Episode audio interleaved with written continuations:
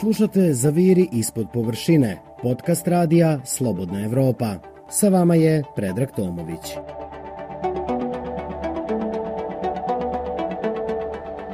Osim što je svijet utjerala strah u kosti, što je zarazila, ali ubila milione, korona je mnoge zatvorila u četiri zida, zakovala za bolnički krevet ili ih natjerala da svoj dotadašnji život potpuno promijene, postanu sve izolovaniji, usamljeniji, egocentričniji i na kraju da se sudare sa sobstvenim demonima i najdubljim strahovima.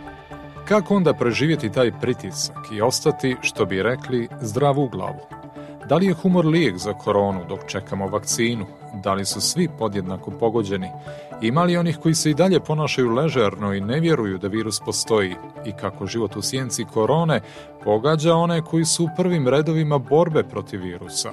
Ja sam Predrag Tomović, a u ovom podcastu Radija Slobodna Evropa sa sve maskom, uz poštovanje distance i naravno bez ljubljenja i grljenja sa narodom, pričamo priču o mentalnom zdravlju dok traje pandemija, odnosno izluđe smo li od korone.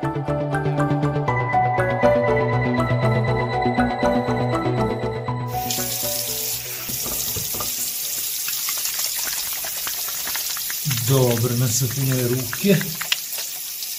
Pređe dlanove prste između okolo. Trije, trije, trije, trije, minimum 20 sekundi.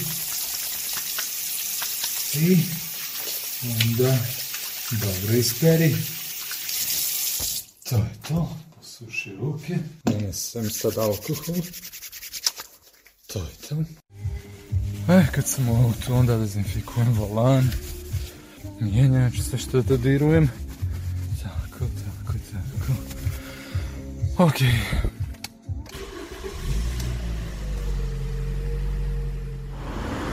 Stavi masku, poštuj distancu, ne ljubi se s narodom, ne grli se s narodom, ne idi u kafane, ne idi u restorane, ne ulazi u javni prevoz, ne ulazi u taksi, izluđa smo.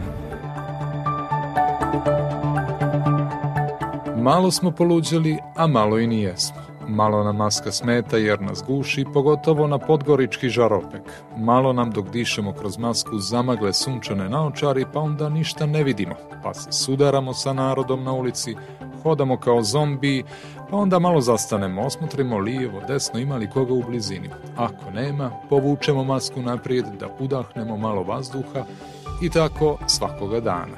Uz jutarnju kaficu za stolom gdje nas smije sjesti samo dvoje. Onako u svom stilu Nataša Kovačević, poznata stand-up komičarka, u prevodu žena koja do suza dovodi narod svojim skečevima na društvenim mrežama, mi otkriva tajnu.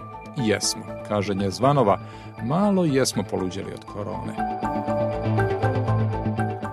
Ja mislim da smo mi na ovom podneblju inače ludi onako suštinski, ali mislim da su nam ga dali malo po bejsu, što veli naš narod. Čini mi se da su nas začinili dosta strahom i da ne znamo gdje udaramo. Eto tako nekako otprilike. Čini mi se da smo krenuli ka udoljavanju jedni od drugih, što smo došli do zaključka u ovom našem neformalnom dijelu razgovora se bojimo jedni od drugih, bojimo se da se pitamo jedni s drugima. Sad se sve više udaljavamo čak i porodično, znači ovaj dio šedeljki sa društvom su nam potpuno eliminisali, e sad više se bojiš i od majke, i od strine, od tetke, što znaš što je krizna grupa.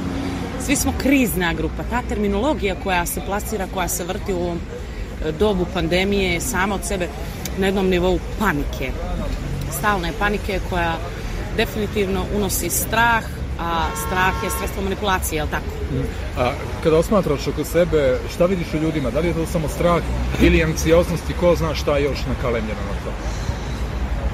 Generalno, na ovim podnebljima aj konkretno sad pričamo o Balkanu i o Crnoj Gori, mi smo neki narod koji je vazda bio bez para, pod ratovima, stalno s nekim podjelama, stalno smo, stalno smo od nečega na oprezu, stalno štedimo za crna vremena. E sad je to još intenzifikovano, pa se bojimo. Stalno nam se plasira strah od smrti, pa umro je ovaj, pa razbo... Stalno se na dnevnom nivou plasiraju statistike koliko je novoboljelih, koliko je umrlih.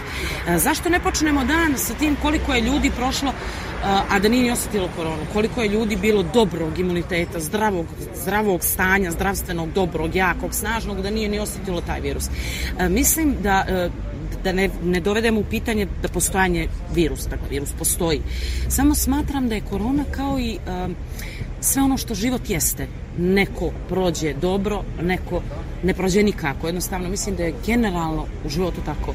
Mislim da je ovo plasiranje straha od smrti na dnevnom nivou čak i kod ljudi koji su svjesni svega toga uh, ima posljedice koje ćemo mi dugo, dugo, dugo da liječimo. Korona će prođe, a ta anksioznost kolektivna i psihoza će da ostane. Ko će da se bori s tim? Kako se ti boriš sa ovom a, a, atmosferom zatvora u, u, u, u smislu a, odricanja od toliko stvari života pod takvim pritiskom? Prosto kako, kako se nosiš? Je li humor lijek? A šta mi ostaje drugo nego da se šalim? Šta, mislim, meni je lično humor bijeg. I prije korone bio i u svim mojim životnim nedaćama ja sam to okretala na šalu, što se ono, ja imam životni strah da ne poludim. Moj terapeut kaže da je to moj životni strah zato što imam poremećaj da budem perfektna.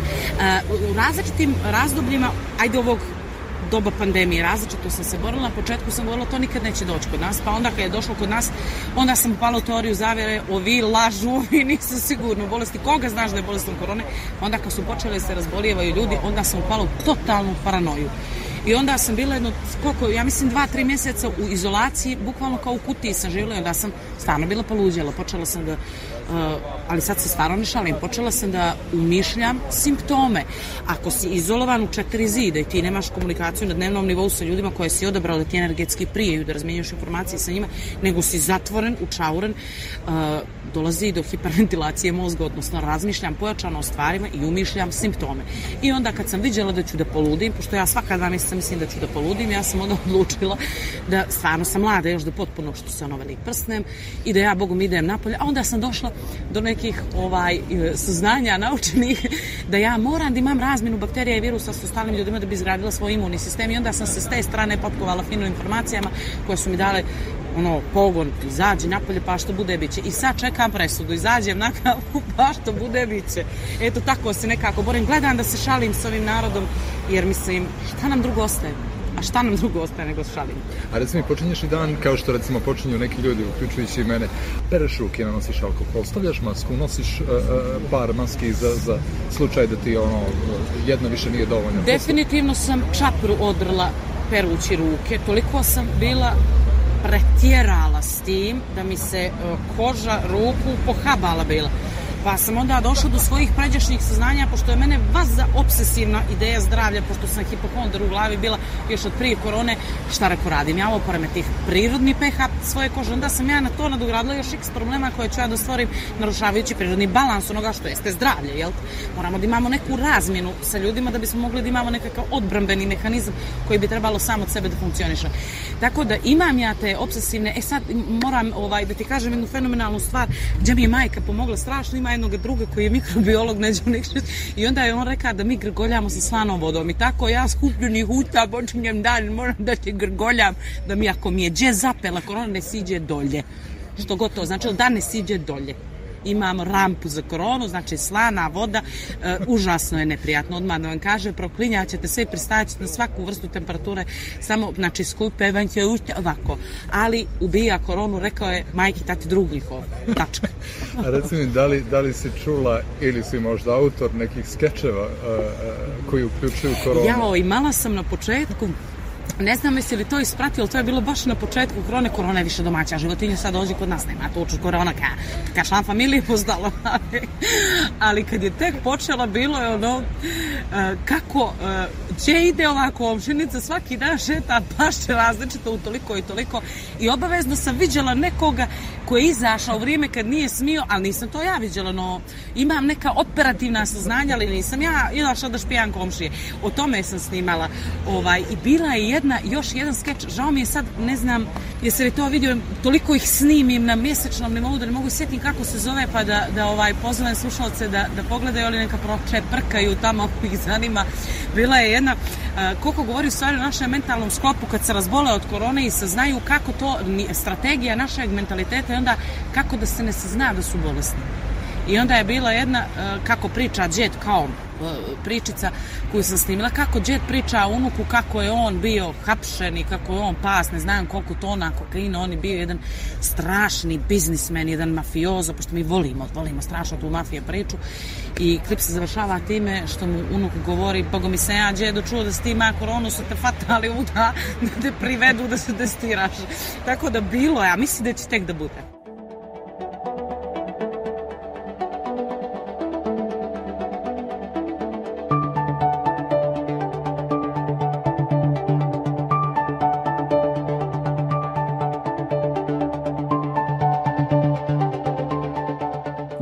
Kako se na mentalnom nivou izboriti sa nečim sa čim se novije generacije prvi put suočavaju, pandemijom virusa korona. Pitao sam Podgoričane kako se nose sa pritiskom življenja sa virusom. Je li te sluđala korona? Jeste, definitivno. Bilo mi je teško, dosta u početku sam bila optimistična, kasnije kako je vrijeme odmicalo, se se više više osjećalo posljedice. Kad je počelo već sa mjerama, kad, pogotovo kad je krenuo drugi talas. Više nisam znala što da radim, onda sam počela da pijem, to je bilo malte ne svaku, no, svaku drugu noć. I kako si izašla iz te priče? Počela sam da radim. Sve ono što, što je bilo prije korone, vratilo se opet, počela sam da radim i svoje vrijeme sam trošila na neke stvari druge mimo sjeđenje kući, razmišljanje o tome što će biti, kako će biti, hoće li se ja razboljeti, hoće li se razboljeti neko moj i onda sam malo, malo sam misli skrenula se. Recimo, jesi li od onih tipova, od onih osoba koje uh, obsesivno peru ruke, obsesivno nanose alkohol i gelove za dezinfekciju, vode računa gdje spustaju svoje stvari, vode računa gdje i koga i šta dodiruju, koji izbjegavaju kontakt sa, sa ljudima u smislu poljubci, pozdravi, zagrljaj, Pa često se zaboravim što kad su u pitanju poljubci zagrlja i perem ruke uobičajno, ali dešava mi se da me vata paranoja i panika kad tako odradim stvari nesvjesno, koje smo opet u prirodi, u prirodi ljudskoj, da, sam, da sam bliska, mislim, makar u moje prirode sam bliska drugim ljudima, onda me hvata panika, hoću li se sad zaraziti, što je, sad li trebalo voda uradim, Mislim, to je više proizvod straha koji guraju nas, mislim, reklame na televiziji, to je katastrof. Nemojte, umrijeće svi oko vas i to neka Psihoza. dramatična muzika u pozadini. To, tako da ste prestali televizor da gledam i to mi je pomoglo. Mislim da je definitivno otišlo predaleko kada su u pitanju svi. Znači, e, ova situacija je domogućila ljudima da isprave svoje prave boje, svoje E, neki ljudi su otišli predaleko na jedan ili na drugi način. Neki su postali obsesivni sa čuvanjem sebe i svojih familija, sa pranjem ruku, sa skupljanjem namirnica. Na primjer, kada se ono desilo što su svi pokupovali toalet papira. I ja znam da je moja familija kupila namirnice, znači brašno, ulje, mlijeko, sve smo pokupovali za svake slučaje da nego moja porodica je prešla sa jedne krajnosti na drugu. Znači, prvo, u početku su bili su obsesivni sa čišćenjem, sa nošenjem maski, sa skupljanjem namirnica i tako dalje. A sada, trenutno, kada se, se stvari malo opustile, navodno, uh, idu na velika okupljanja, tako to. Moja strina je zabranila mojoj familiji da dolazi kod nje zato što je moj otac poveo sestru na rođendan jednog djeteta. Tako da te dvije nedelje se ne smijemo sastavljati. Stvarno mislim da ona cijela situacija stvarno ispoljila te neke najgore kvalitete u osobama. I ja lično sam se mutila ovim jeste, nisam ja nešto obsesivno sa čuvanjem sebe, ono, perem ruke, ali, ono, nije, nije to neka prevelika obsesija, ali priznajem, ja sam bila strašno uplašena na početku. Imate li utisak da smo kao građani, kao komšije, prijatelji, pomalo žargonski rečeno, možda i bukvalno sluđeni od korone? Jesmo, to i ja mislim.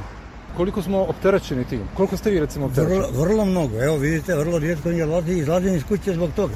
Ne izlazim i onda rađe odem onda tamo na plac koji je dalje odavde i tamo odem, ovdje dođem samo kad moram, evo praktično da idem kod doktora, nešto da nabavim, odmah sam nas. A koliko ste opterećeni recimo time da morate da perete ruke, da nanosite alkohol, da dezinfikujete? Ja to sam radio i prije, tako da mene to ne opterećuje, to je moja navika bila i ranije, ne samo zbog toga, ali kad je i to došlo, onda spada kao da to samo zbog toga radim.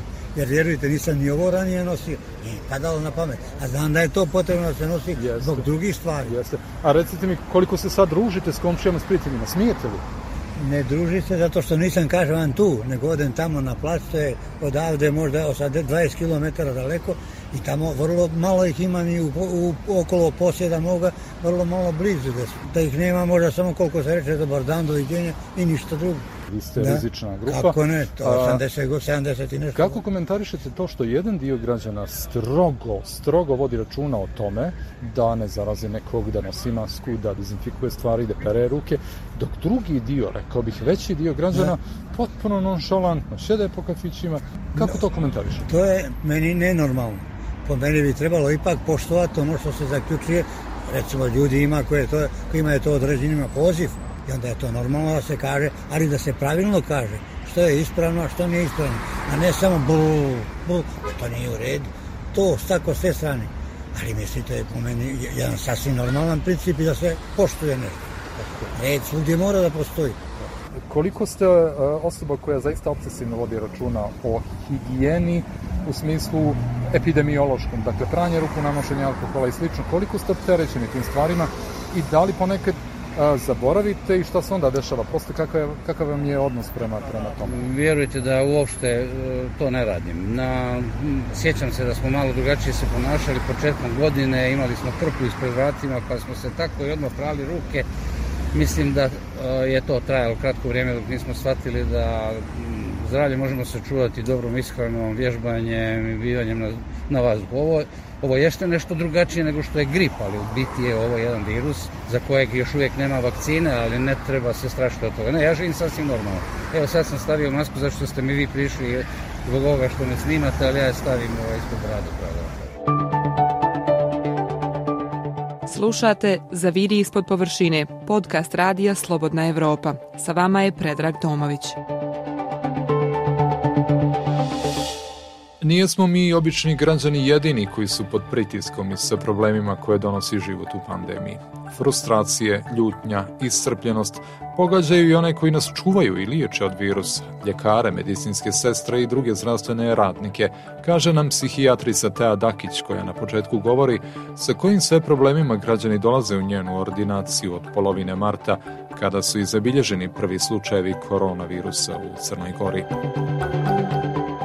Pa s jedne strane ljudi e, dolaze sa onim što su standardni problemi koji ih pogađaju od naše svakodnevice do ranijih nekih problema u domenu mentalnog zdravlja, a s druge strane sve se više javlja što privatno, što kroz ambulante zvanično, ljudi koji nikada ranije nisu imali tegobe u domenu mentalnog zdravlja i koji nikad ranije nisu liječeni psihijatrijski ili se obraćali psihologu, na primjer. Ono što smo mi primijetili, nemamo neku zvaničnu statistiku za sad, ali ono što smo primijetili jeste da dok smo radili na liniji 1555, kada su 20 kusur stručnjaka iz kliničkog centra pružali psihološku podršku građanima u vrijeme prvog talasa, ono što smo primijetili je da je oko dvije trećine ili čak nešto preko poziva dolazilo upravo od onih ljudi koji nikada ranije se nisu susreli sa tim da bi im psihološka podrška trebala uopšte. Znači, to su uglavnom bile neke tegobe iz opusa anksioznosti, depresivnosti, a kako epidemija duže traje, ja mislim da ćemo se sve više svijetati sa tim. Negdje E, ako račlanimo šta, šta su to simptomi anksioznosti i depresivnosti e, manjak interesovanja, manjak aktivnosti, manjak zadovoljstva iz onoga što nam je nekad pričinjavalo zadovoljstvo. Slaba koncentracija, slaba pažnja, e, problemi sa apetitom, problemi sa snom, ideje bezizlaznosti, bezvoljnosti, jedno ono laka podražljivost, razdražljivost, strecanje što se kaže kod nas. Znači to je nešto što vjerujem da makar u nekom trenutku od kako je sve ovo krenulo može svako od nas da prepozna koliko su uh, pacijenti koji su već imali uh, probleme sa mentalnim zdravljem sada u složenijoj situaciji s tim u vezi? Koliko su njihovi problemi sad naglašeniji, izraženiji i da li postaju uh, uh, teži za tretman, odnosno za pomoć?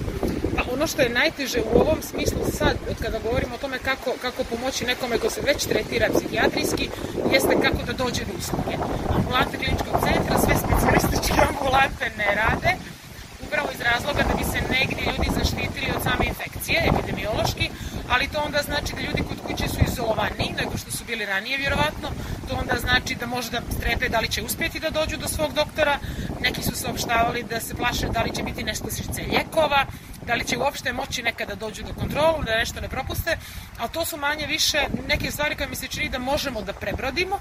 Ja se najviše plašim te izolacije, prije svega i koliko to može nekome da našteti, A što se drugih stvari tiče, ja mislim da oni ljudi koji su naučili da žive sa problemima u domenu mentalnog zdravlja su negdje naučili kako da ih prevazilaze. I njima ovo nije možda prva kriza, nego ko zna koja po redu i da će oni možda znati kako da budu otporniji, kako da ponovo prizovu one neke mehanizme i one načine koji su im i ranije pomagali. Ne svi, ali eto mislim, ja se, ja se nadam za početak. Recite mi kako ova kriza, kako ova situacija utiče na mentalno zdravlje onih koji su prvo, prvim redovima odbrane, dakle generalne populacije od virusa, to su ljekari, medicinsko osoblje. Da li ste a, imali a, zahtjeve kolega recimo epidemiologa, ljudi medicinskih sestara, dakle medicinskog stafa, koji je, kako kažem, prvi, u prvom tom kontaktu sa, sa oboljelima, da li njima treba pomoći i kakvi su njihovi problemi? Ja mislim da njima, njima moramo pružiti podršku. Oni nisu ljudi koji će se žaliti, oni nemaju vremena da se žale. Oni rade danonoćno i ja sam stvarno svjedok da, da sam svijetala ljude koji su epidemiolozi i tehničari iz Instituta za javno zdravlje u 2, u 3 sata ujutro da idu kući i njihov život je takav, evo već sedmi i osmi mjesec, koliko to već ide. Ono što je sigurno je da su oni iscrpljeni, oni rade dan noć, a sada nemaju rezultate takvog rada. Oni su vrlo bili strogi prema sebi u smislu kako se mjere sprovode, kako razgovaraju s građanima, do kad se radi, šta se mora da se završi. U prvom talasu su dobili odgovor. Dobili su odgovor, dobili su ispunjenje i ono što se činilo jeste da je njihov rad svrsishodan. Sad oni nastavljaju svoj rad, a osvrću se oko sebe i vide da stvari nemaju smisla. Imala sam priliku da razgovaram sa nekoliko kolega koji mi kažu da ono, čini se i meni se tako činilo u jednom trenutku da živimo u nekoj distopiji. Znači da živimo u nekom svijetu koji se jako promijenio. Mi pričamo istu stvar, distanca, maska, ruke, perite i izginete na poslu i trudite se da nekoga zaštitite od samog sebe i od drugoga, onda izađete napolje i vidite da se ljudi grle, da se ljudi ljube, da sjedi po desetoro za stolom, da ništa to nema smisla, da ljudi ne vjeruju u koronu, što onima koji rade i onima koji negdje zavorazumski racionalno posmatraju ovu situaciju je prije svega uvredljivo. Meni je jako uvredljivo. Znači, do ovog trenutka u svijetu je preko milion ljudi izgubilo život od korone. U Crnoj Gori je to na jučerašnji dan bila, mislim, nešto manje od 200. Znači, mi smo otprilike dva put više ljudi izgubili toku ove godine od korone nego od samoubistva. A godina nije završena. Znači, to nisu samo ti ljudi, to su, to je veliki broj porodica, to je veliki broj njima bliskih ljudi, to je jedno devastirajuće nasleđe za svakoga ko je k tome svjedok. A onda se okrenete i vidite da neki ljudi u to ne vjeruju, da ni podaštavaju sve vaše napore.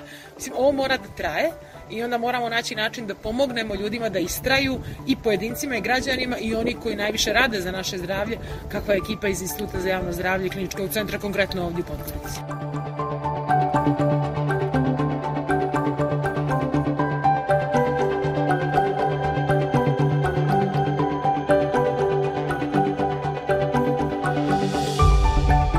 To kako se neko nosi sa pritiskom života tokom pandemije je individualno. Kaže nam psihološkinja Radmila Stupar-Ćurišić. Svi se, kaže Radmila, prilagođavamo na nešto što nam je do sada bilo potpuna nepoznanica. A da li psihologija poznaje možda neki recept da ne izludimo od korone? Pitali smo našu psihološkinju Radmilu. Problem je globalni i na bizaran način je ujedinio sve ljude, napravio ih jednakim pred virusom, kaže Radmila. Kaže, konačno smo deo sveta. konačno shvatite ovo da se nama dešava nešto što se dešava celom svetu. Konačno smo i mi bogati, jer koronu imaju i bogati. Razumete, uglavnom su velike, velike katastrofe doticale siromašne i nemoćne, nemoćne ljude. Ove, prvi put u životu bogati nisu zbrisali. Znate, kad su ratovi, poplave i katastrofe, oni bogati nađu helikoptere i kanale i oni zbrišu. Bogati imućni nisu doživjeli ratove na ovim prostorima. prvi put i bogati plaču. Radujte se ljudi. prvi put imamo priliku da smo svi jednaki i da će pobediti ne znam ko će da pobedi. Mislim, pobedit ćemo mi ljudi, ali to ono, bogat, siromašan, pametan, glup, radan, vredan, nemam pojma. Ja verujem da će samo da pobede uporni. da će pobediti samo svesni ljudi koji imaju širom otvorene oči, koje nije sramota da pričaju, znači otvorite usta i pričate, pazite kako pričate, ajmo da učimo asertivnu komunikaciju, da se pristojno obraćamo sa uvažavanjem jedni drugima, ovaj, ali da pričamo, dopadaš mi se, ne dopadaš mi se, ti si moj kolega i simpatičan si, dopadaš mi se, ali ne želim baš s tobom da izlazim petak veče. Možda ću, i najverovatnije ću raditi u petak veče da pročitam neku knjigu ili da spavam, nego da sa tobom sedim u lokalu koji mi se ne dopada i predstavljam sebe svetu na način koji se mom mentalnom sklopu ne dopada. Možda je to fenomenalno, možda je to super aktualno. Ali daj, ne želim, jednostavno ne želim. To je jednostavno nisam ja prilika. Tako je, borite se za sebe. Mislim da, da je korona prilika da to sebi kažemo i da onda ovo što ste me pitali, kako da, e, tako psiholog, gledajte, i to se zove pozitivna strana sveta, to vam je čitave vi guru i što pričaju, sada svako priča na neki svoj način što je sjajno i što treba tako, jer na različite načine dopiremo do ljudi, znači svako ima svoj način da prenese, ali ovo, ovo je identična poruka, radujte se životu, tražite tačku koja sija u danu, jer u svakom danu, u svakom sekundi postoji tačka koja sija. Nađite je, gledajte u tu tačku i odatle crpite energiju da preživite. To će vam reći svaki guru, svaki life coach, svaki psiholog, svaki psihijatar. Samo će svako to reći na svoj specifičan način. Zašto je to treba tako? Jer svako ima svoju grupu ljudi koja, ga, koja razume tu energiju, tu retoriku, koja razume tu poruku na takav način. Ali je suština ista dobro, ljubav, zajedništvo. Ono što homo sapiensa odvaja od ostatka životinskih rođaka.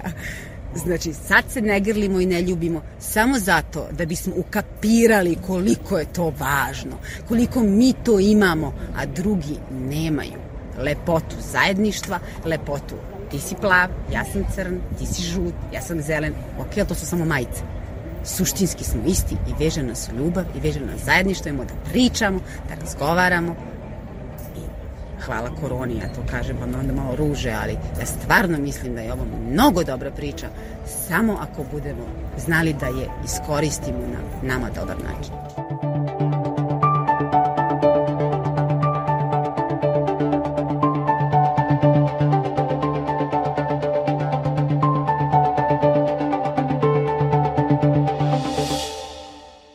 Humor nije remdesivir, u to nema sumnje, ali pomaže.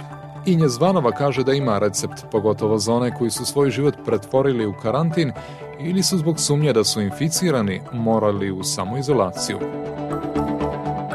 A da kako to misliš, kako mi pada karantin? Prelako, odmah da ti kažem, ovo ti znači delno da radiš na sebi, vrijeme ovaj karantin. I ja ti, Boga mi jutro kad ti ustane, meni ti nema neke razlike, ja ste vas da prije isto radila na sebi. Boga mi. Ja ti kad ti ustane svako jutro bio karantin ili ne, ja ti prvo do daske puštim Mozarta, to ti Boga mi najbitnije. Onda posle toga svaki dan pravim French toast. Znaš što ti je to? To ti francuski toast. Znaš što ti je to? Znaš, što nam je majka pravila prženice kad smo bili mali. E to ti je to.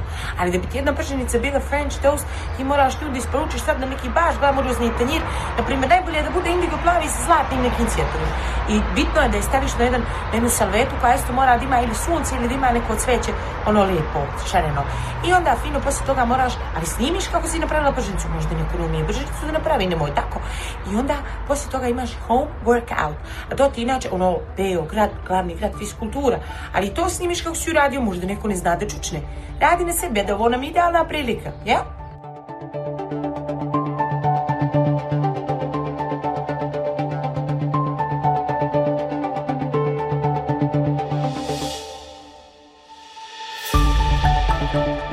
Ovo je bio podcast ZIP, Zaviri ispod površine. Ja sam Predrag Tomović, slušajte me ponovo na slobodnaevropa.org.